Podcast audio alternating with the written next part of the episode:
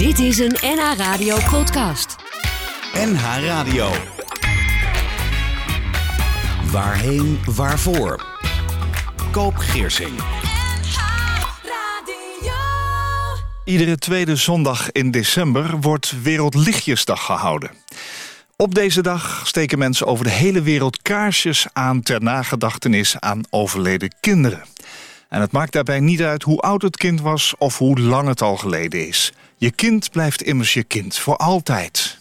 En licht, dat is de relatie met mijn gast Anne Smaal. Ze is zelfstandig uitvaartbegeleider, moeder van twee kinderen. Thomas van 13 en Bente van 11, een mooi stel. Uh, en vrijwillig projectleider om Wereldlichtjesdag vorm te geven in de regio Heilo. Welkom Anne, fijn dat je er bent. Goedemorgen. In november wordt hè, deze maand Allerzielen gevierd en worden overledenen herdacht. Crematoria en begraafplaatsen openen de deuren, hebben een lichtjesavond, vaak met fakkels. En met allerlei manieren om aan overleden dierbaren te denken. En op zondag 8 december wordt Wereldlichtjesdag gehouden. Over de hele wereld worden kaarsjes aangestoken ter nagedachtenis aan overleden kinderen. En de wereld wordt zo even letterlijk wat lichter voor mensen die een kind verloren hebben. En daarnaast is er het besef dat je niet alleen bent met je verdriet. Wat, wat is jouw rol als projectleider van Wereldlichtjesdag hier in Heilo, begrijp ik? Hè? Ja, uh, ik organiseer samen met uh, andere vrijwilligers. Ja, doe je nooit alleen natuurlijk. Doe je nooit alleen. Nee. Uh, Wereldlichtjesdag dit jaar in Heilo, ja. in het Witte Kerkje. Dus voor het eerst dat we daar te gast mogen zijn. Mm -hmm. Um, ja, als projectleider um, uh, zorg je eigenlijk uh, dat uh, we maken het mogelijk. Betekent dat we dit jaar begonnen zijn met het zoeken naar een locatie. Omdat de locatie waar we eerder waren niet beschikbaar was. En dat is gelukt. Dat is gelukt. Het Witte Kerkje. Het Witte Kerkje. Een prachtige, echt bezielde locatie. Mm -hmm. um, en daarna nou ja, kost het organiseren van zo'n Wereldlichtjesdag ook geld. Dus heel praktisch gezien um, zijn wij ook op zoek gegaan naar uh, fondsen. Dus uh, we, we, hebben fondsen aangeschreven. En verder is het... Uh, sponsoren misschien? Sponsoren, mm -hmm. ja, fondsen. Um, en verder ga je dan als de praktische dingen geregeld zijn... ga je nadenken over de inhoud van Wereldlichtjesdag. Onze Wereldlichtjesdag wordt begeleid door ritueelbegeleiders die uh, een thema bedenken en rondom dat thema teksten schrijven van troost. um, we hebben muziek. Hè, de namen van de kinderen worden gezongen. Oh, mooi. Dus dat is een, altijd een heel mooi moment. Ja. Um, nou ja, dus zowel praktisch als inhoudelijk zijn wij al een aantal maanden bezig ja. met elkaar om dit voor? voor te bereiden. Wij zijn er zeker klaar het voor. Het is nog een kleine twee weken dan, ja. denk ik ongeveer. Hè? Ja. Als ik een beetje goed of drie. Ja, ja. Zoiets, ja.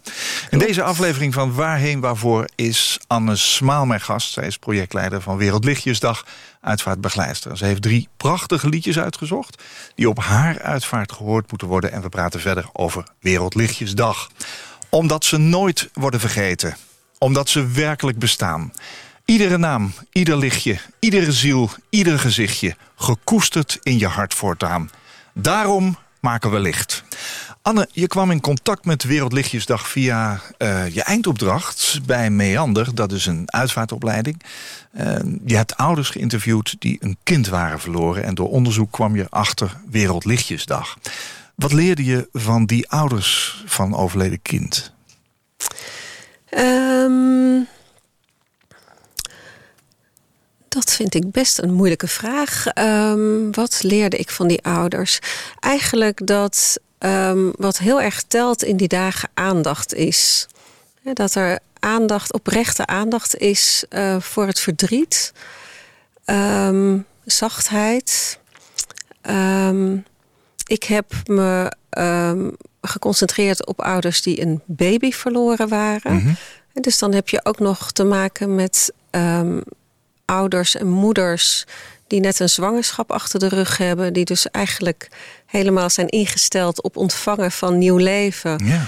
En dan vaak uh, totaal onverwacht worden geconfronteerd met het einde van een leven. Dus dat is een hele andere, ja, hele andere situatie waar je dan in komt. Um, wat hebben die ouders en, gevraagd? Hè? Je, je, hebt dat interview voorbereid. Wat, wat was een belangrijke vraag? Ehm, die vraag is eigenlijk altijd anders. En het mooie is dat je eigenlijk ook altijd afstemt op wat nodig is op dat moment. Ehm, voor de ene ouder. Ehm, het mooie is dat je vaak kunt helpen ook in dat proces. dat, ik heb een uitvaart gedaan van een, van een babytje eh, dat was overleden. En uh, in eerste instantie wilden de ouders dat kindje uh, door de uitvaartverzorging uit het ziekenhuis ehm, naar huis laten komen. Mm -hmm. En door erover te praten zijn de ouders eigenlijk zelf het kindje op gaan halen. En dat ja. zijn van die ontzettend kostbare momenten waarmee je eigenlijk het proces begint. Ja. Ja, want als je de uitvaart organiseert of begeleidt van een kindje, dan zie je uh, als omstanders wat er op de dag zelf uh, manifest wordt.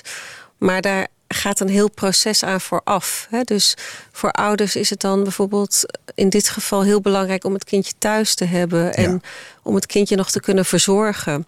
Om zelf uh, de koel, de koelelementen die nodig zijn om een lichaampje te koelen, te kunnen verzorgen. Om, om de haartjes te kunnen kammen, hè? Om, om een zalfje op het gezicht te doen.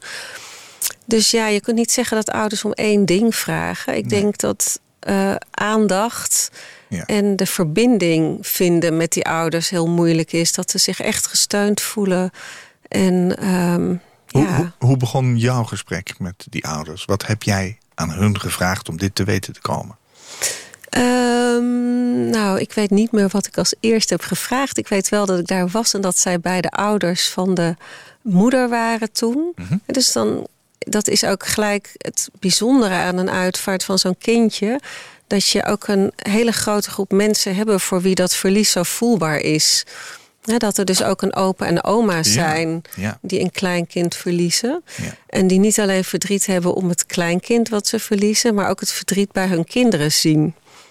dus dat is, en er zijn vaak kleine broertjes en zusjes die ook op school zitten.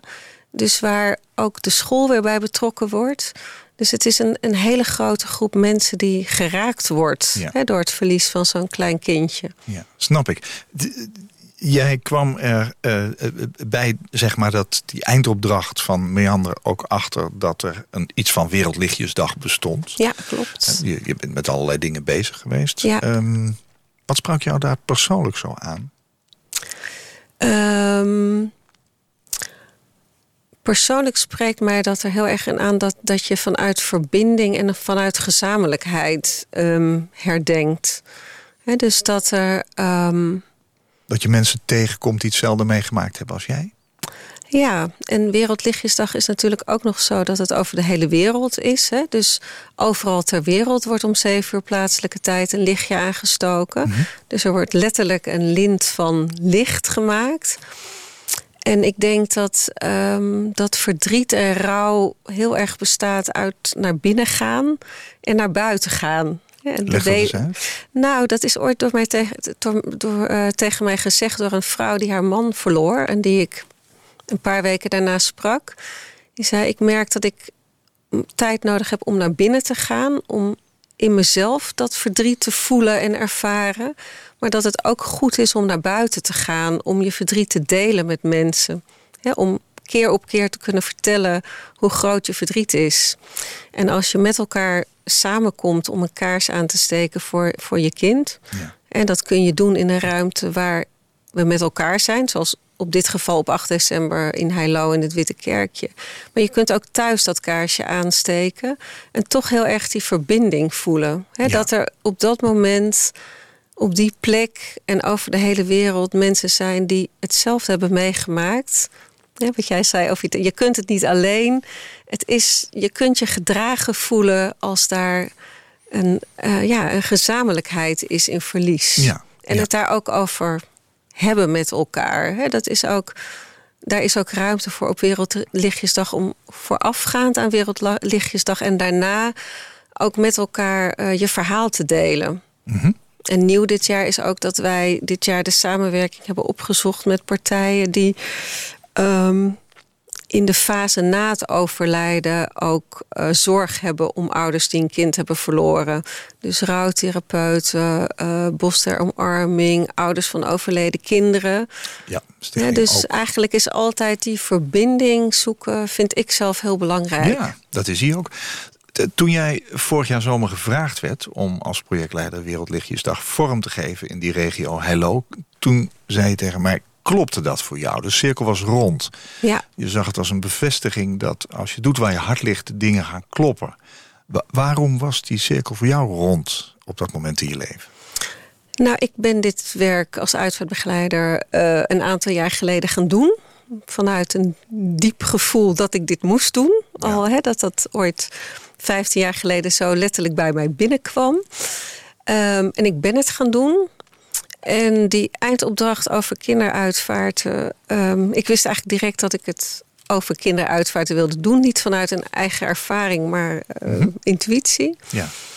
Dus als je dan werk gaat doen waar je, um, nou ja, waar je voelt dat alle kwaliteiten die je als mens hebt en alles wat waar passie ligt en waar zingeving ook ligt. Um, als je dat een tijd doet, en het gaat stromen en je merkt dat je daar uh, heel veel um, voldoening uh, van hebt en dat het ook klopt dat je dit vak bent gaan doen. En je wordt dan gevraagd voor Wereldlichtjesdag. Toen dacht ik van ja, plek? het valt op zijn plek. Ja, ja. want dat, daarmee was de cirkel rond. Ja, word je daar gelukkig van? Ja. Oh, dat is mooi. Ja. Ik heb je gevraagd drie liedjes mee te nemen. Je hebt drie hele mooie liedjes uitgekozen. Dankjewel. Straks zei je tegen me, ja, ik ben eigenlijk een, een lezer. Hè? Je hebt taal ja. gestudeerd. Ja. Um, toch kom je met drie liedjes. En één daarvan is klassiek. Terwijl je ook zei, ja, ik heb eigenlijk niks met klassieke muziek. Nee. Waarom gaan we naar iets klassiekerigs luisteren? Ja, ik hoor natuurlijk heel veel muziek ja. tijdens mijn werk. Want muziek is vaak wel een heel belangrijk onderdeel van, uh, van uh, een uitvaart. Um, en dit lied, Erbarme dich, dat raakt mij altijd als ik het hoor. Um, ik had ook al heel lang de wens om een keer naar een uitvoering van de Matthäus Passion te gaan. Daar komt het uit, ja. Het, daar komt het uit. Um, en vorig jaar is dat zowaar gelukt. Niet naar het concertgebouw, waar ik altijd had gedacht dat ik daar het eerst zou horen. Maar via mijn werk kon ik in Edam in de kerk uh, naar de Matthäus Passion. En um, ja, puur gevoel, um, het, het, mededogen wat er uitspreekt. Uh, waarvan ik denk dat het zo belangrijk is dat wij als mens dat voor elkaar ook kunnen voelen. Um, dat is voor mij uh.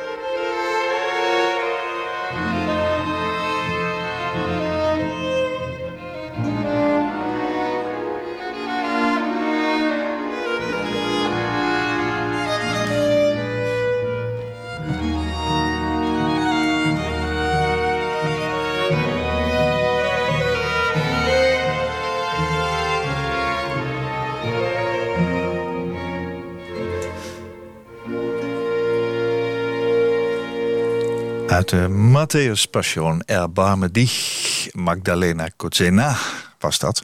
Helemaal door jou uitgezocht ook. Met hulp van Angelique Stein, die mij uh, een prachtige versie heeft Oh, toegezonden. Ja, zij heeft een uh, bureautje voor uh, muziek voor uitvaartbegeleiders. Ja. Angelique is ook hier te gast geweest, een vriendin van me. Ja. Dus een goede keus. Als je het bij haar neerlegt, dan Absoluut, komt dat goed. Hè? onmisbaar. Ja. Wat deed het met je? het ontroert mij, zoals Hmm. altijd. Ja, het, um,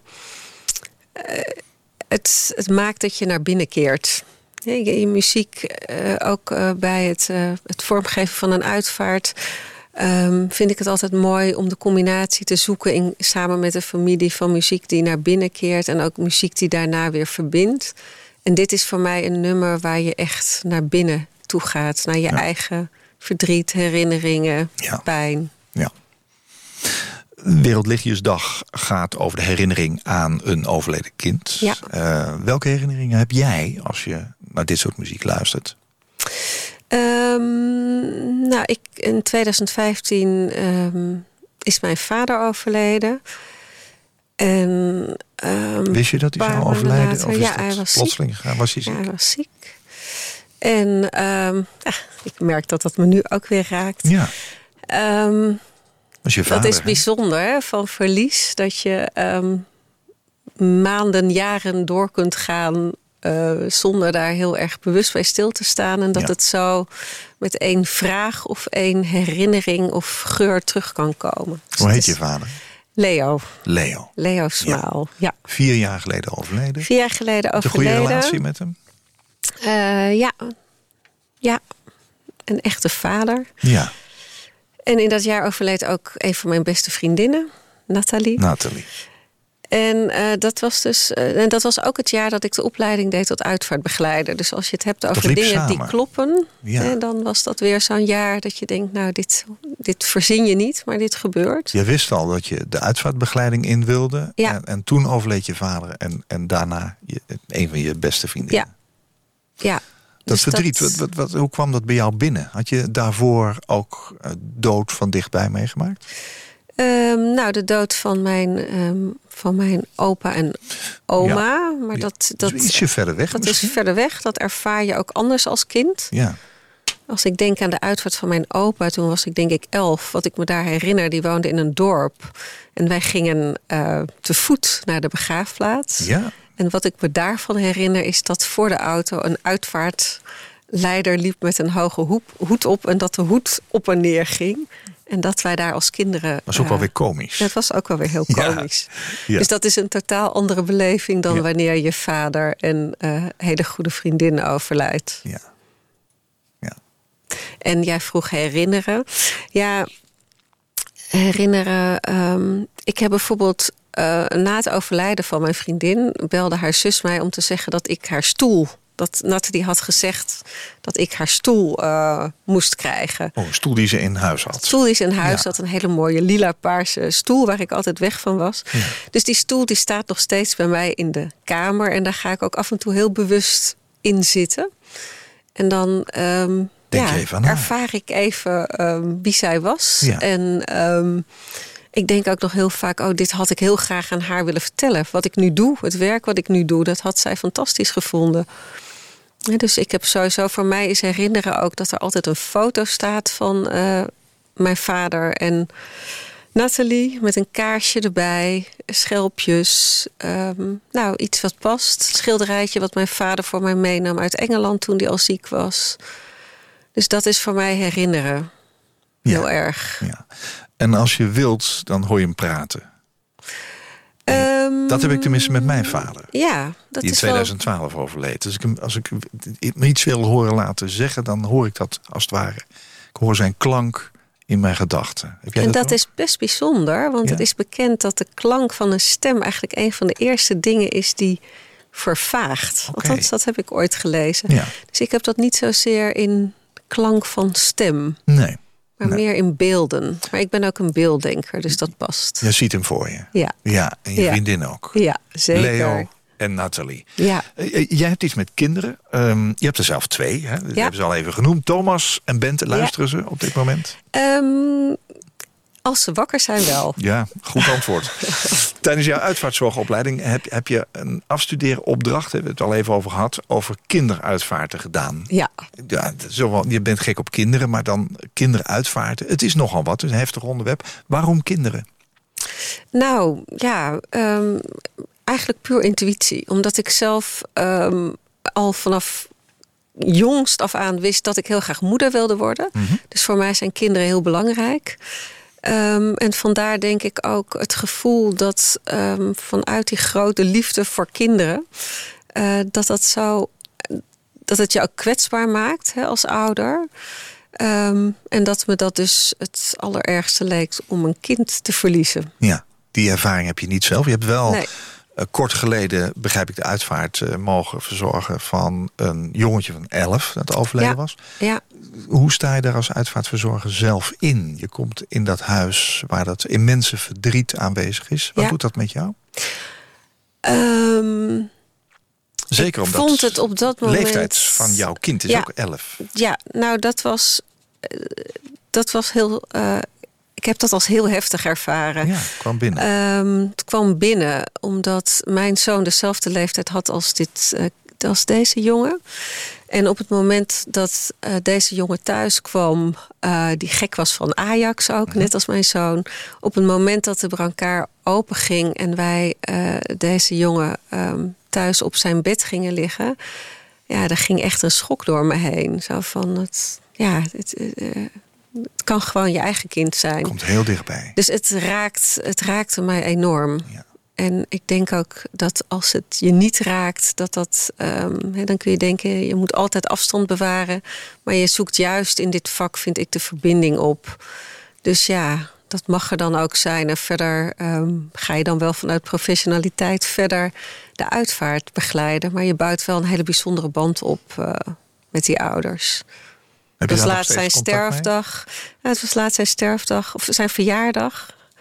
En toen ben ik ook even bij zijn graf gaan kijken. Kwam ik daar zijn oma tegen.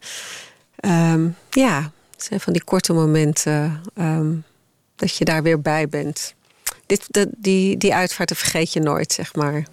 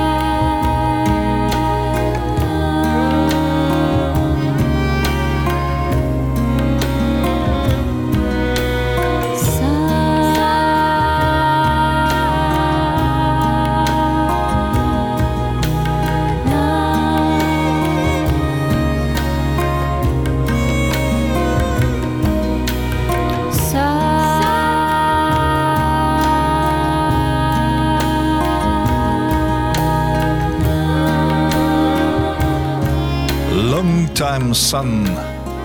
Uitgevoerd door Snatam Kaur. Wat een mooi liedje. En eh Satnam betekent Truth is my identity. Uitgezocht door Anne Smaal. Vandaag gast in Waarheen Waarvoor hier op NH Radio. Ehm, Anne, we hebben het eh, gehad over het eerste muziekstuk... wat jou nogal wat deed. Het klassieke eh, stuk uit de Matthäus Passion. Erbarme dich. Waar komt dit vandaan? En waarom vind je het zo belangrijk om het op jouw uitvaart te laten horen? Dit eh, lied ken ik eh, vanuit mijn yogalessen, de Kundalini yoga. eh, waar heel veel Kundalini dat? yoga.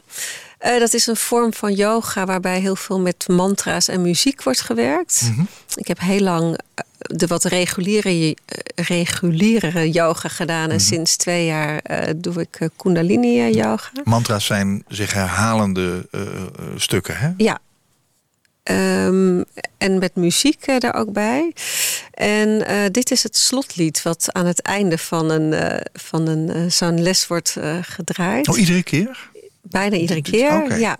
Ja. En ehm, ja, ik zie dat als een soort blessing. En ik vind de tekst heel mooi. May the long time sun shine upon you. All love surround you. ja.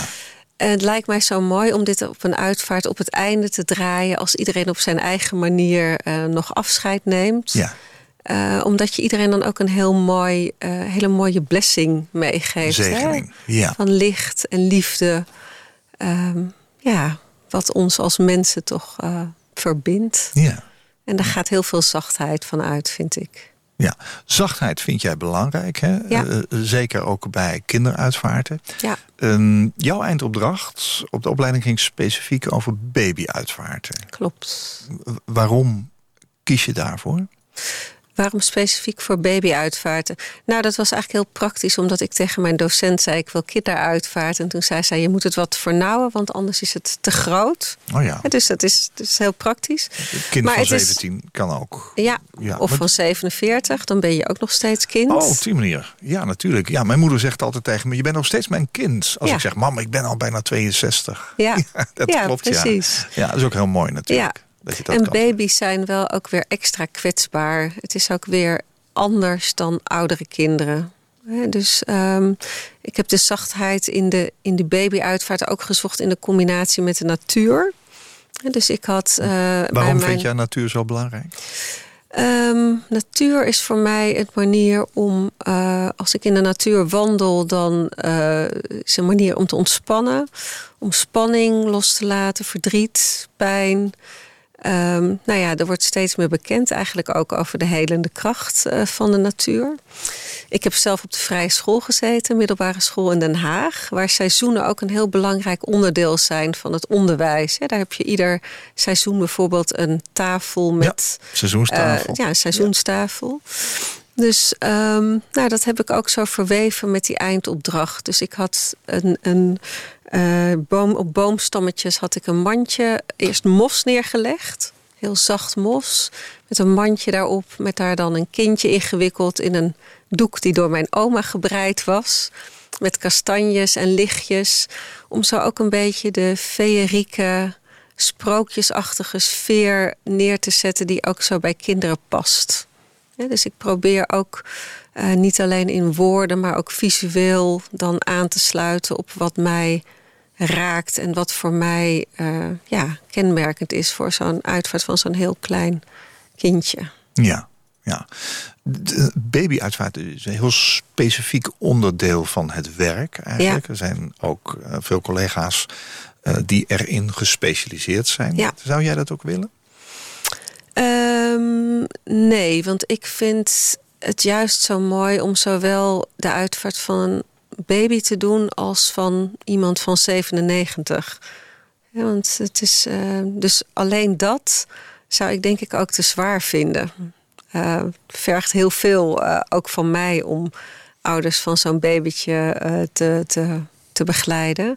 Dus ik vind het mooi om ehm, ja, alle soorten van verdriet te begeleiden en verlies. Ja, ja. Wat maakt het begeleiden van een babyuitvaart zo anders dan van iemand van 97? Ehm, Nou, als iemand van 97 overlijdt, dan zijn er ook kinderen en kleinkinderen die een, bijvoorbeeld een moeder en een oma verliezen.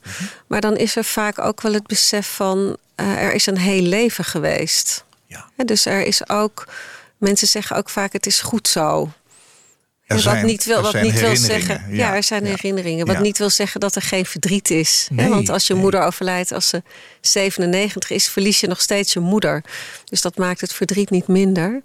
Ehm, en bij een babytje. ehm, het maakt het zo anders omdat je zo'n andere instelling hebt als je een kind krijgt. Dat je gaat voor het leven en, en de liefde en je daar helemaal op instelt. Ik heb zelf ook twee kinderen gekregen. Dus je bent bezig met kinderkamertjes klaarmaken, kleertjes kopen. En als Ja. een kindje dan vaak ook plotseling overlijdt, is de, is, het, is de schok zo groot. Ja. En je bent als Ja. ouder ook gewoon heel kwetsbaar. Ja. Jong, minder levenservaring. Ja, dat is echt anders. Bij de wet is een begrafenis of een crematie van de baby verplicht na een zwangerschapsduur van in ieder geval 24 weken. hè. En bij, bij een zwangerschapsduur van minder dan die periode gelden eigenlijk geen wettelijke verplichtingen. Belangrijk is om te weten dat altijd een uitvaart mogelijk is. hè. Ja. Dus die keus heeft iedereen dus ongeacht in welke week van de zwangerschap bijvoorbeeld de baby is overleden. Waarom is het ook als de baby voor de 24ste week van de zwangerschap is overleden toch belangrijk om een uitvaart te overwegen, vind jij? Ehm, nou, wat ik vaak terughoor, is dat het nog niet zo heel lang geleden eh, niet gebruikelijk was. Hè? Dat, dat moeders en ouders eh, afscheid konden nemen van een baby die te vroeg geboren werd of doodgeboren werd. Kindje werd weggehaald bij de ouders.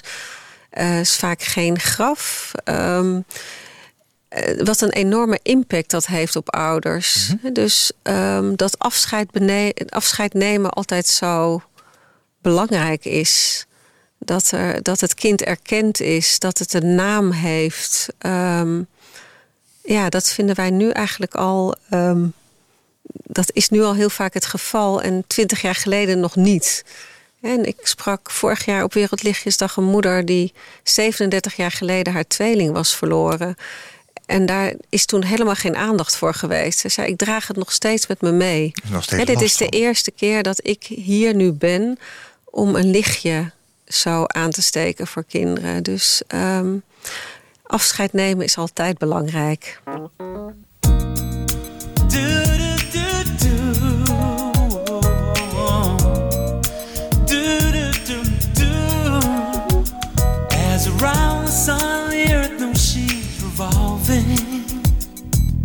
Rosebuds know to bloom in early May.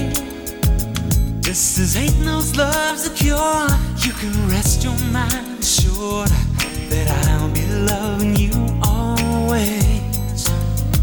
As now can't reveal the mystery of tomorrow. But in passing, we'll grow older every day. Just as all is born is new, you know what I say is true. That I'll be loving you always.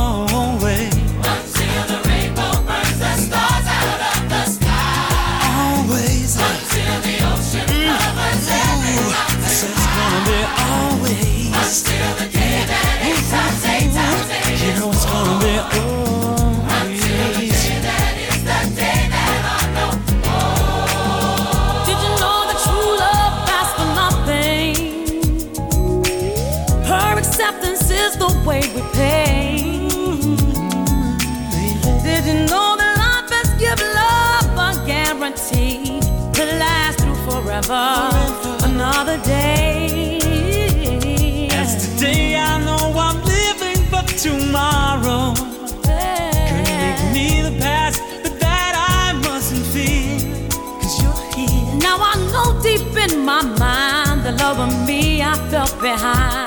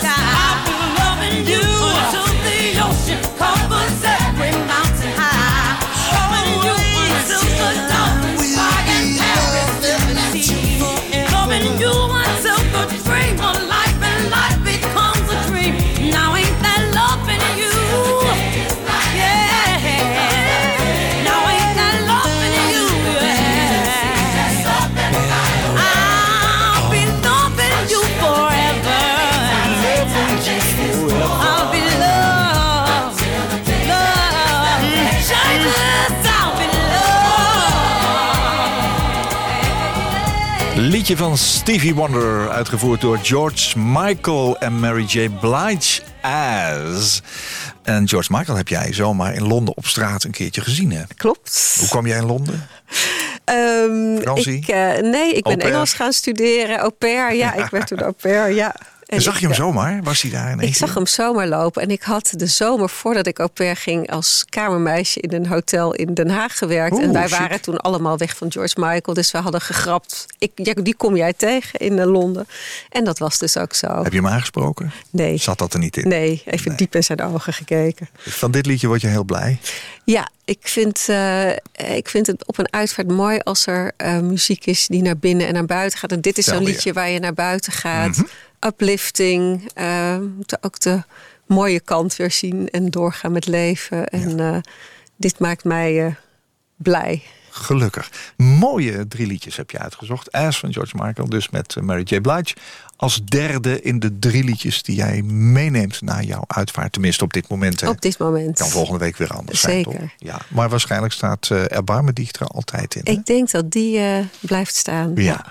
Eh, Anne Smaal is de gast in Waarheen Waarvoor. Eh, Anne, je was al heel vroeg gefascineerd door de dood. Je liep graag, begrijp ik, over begraafplaatsen.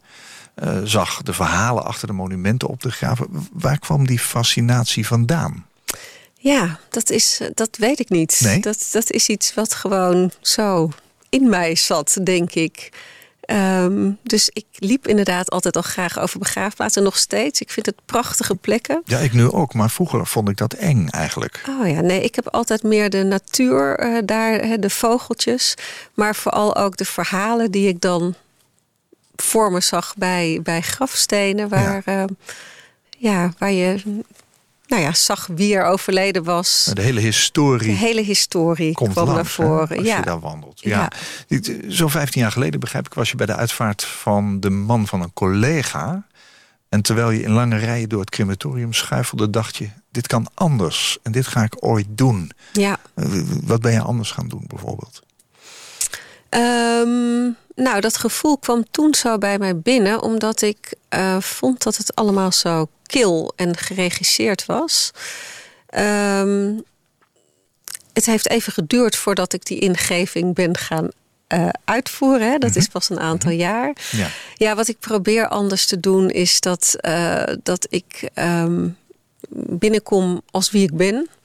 En vanuit uh, mezelf uh, de verbinding leg. Um, en heel erg probeer aan te sluiten op wat is. Dus ik hou er ook niet van om altijd hetzelfde ritueel uh, aan te dragen en op te leggen. Maar juist om te kijken van nou, wat past bij deze familie? Wat is kenmerkend geweest voor degene die is overleden? Ja. En dan merk je dat als je dingen aanreikt, mensen daar vaak op inhaken en dan weer daar hun eigen uh, ritueel of verhaal van maken. Ja. ja, en dan gaat het gewoon kloppen. En ja, dus past ik, het ook bij jou? En past het ook bij mij. Ja. En wordt het meer een organisch iets dan heel strak geregisseerd. Ja, zelf zeg ik altijd dat het, het uitvaartverzorger zijn is a way of life. Zeker. Uh, moet bij jou passen. Jij liet me weten dat je in je leven zo dicht mogelijk bij jezelf probeert te blijven. Ja. En keuzes niet uit angst, maar uit vertrouwen wil maken. Kun je Ja. dat eens toelichten? Ja, nou, ehm, als je ouder wordt, dan ontwikkel je jezelf als mens. Dus Ja. dan eh, merk je ook dat. ehm, ik, ik merk bij mezelf dat ik in het verleden, als het moeilijk werd, daar graag van wegliep. Ehm, maar dat het nou niet noodzakelijkerwijs oplost. En dat als je. eh, dat heeft ook mee te maken dat ik nu een vak doe waar mijn hart ligt. Ja. En dat dan alles moet gaan kloppen. Dus ehm, dat als je dan, als het moeilijk is, naar binnen gaat en eh, bijvoorbeeld ademt naar de plekken waar, waar de pijn zit. Ja, het Ehm, opzoekt, het opzoekt, er echt in stilte naartoe gaat. En dat kan ook in de natuur zijn. Dat er dan iets gebeurt waardoor je als mens ehm, ja, voller wordt en steviger. En ook meer echt vanuit verbinding het contact met andere mensen kunt En lukt aangaan. dat in je eigen leven? Niet altijd, maar Ben je eh, goed op weg? ik ben wel redelijk op weg, hoop ik. Ja. In deze aflevering van Waarheen Waarvoor was mijn gast Anne Smaal. Ze is moeder van twee kinderen, zelfstandig uitvaartbegeleider... en projectleider van Wereldlichtjesdag in de regio Hello. En op zondag 8 december is het Wereldlichtjesdag. Naar Amerikaans voorbeeld waar Worldwide Candlelighting is ontstaan in 1997. Samen staan we stil bij alle kinderen die op welke leeftijd... en om welke reden dan ook zijn overleden. Op deze manier hopen we een lichtpuntje te bieden in donkere dagen. Samen eren en herinneren we kinderen door een kaarsje te branden... en te luisteren naar muziek, troostende woorden en gedichten. Anne, dank voor je komst. Dank dat jij de overleden kinderen wilt helpen herinneren... en ouders wil laten voelen dat zij niet alleen zijn met hun verdriet. En dank ook dat je jouw verhaal hier hebt verteld. Ik wens je alle goeds toe. Dank je wel. Heel fijn dat ik hier mijn verhaal mocht vertellen. Dank. Koop Geersing. Als jij een keer te gast wilt zijn in Waarheen Waarvoor... om te vertellen over jouw levensreis, laat me dat dan weten... via waarheenwaarvoor.nhradio.nl Waarheen waarvoor at nhradio.nl. Dit was een NH Radio podcast. Voor meer ga naar nhradio.nl. NH Radio.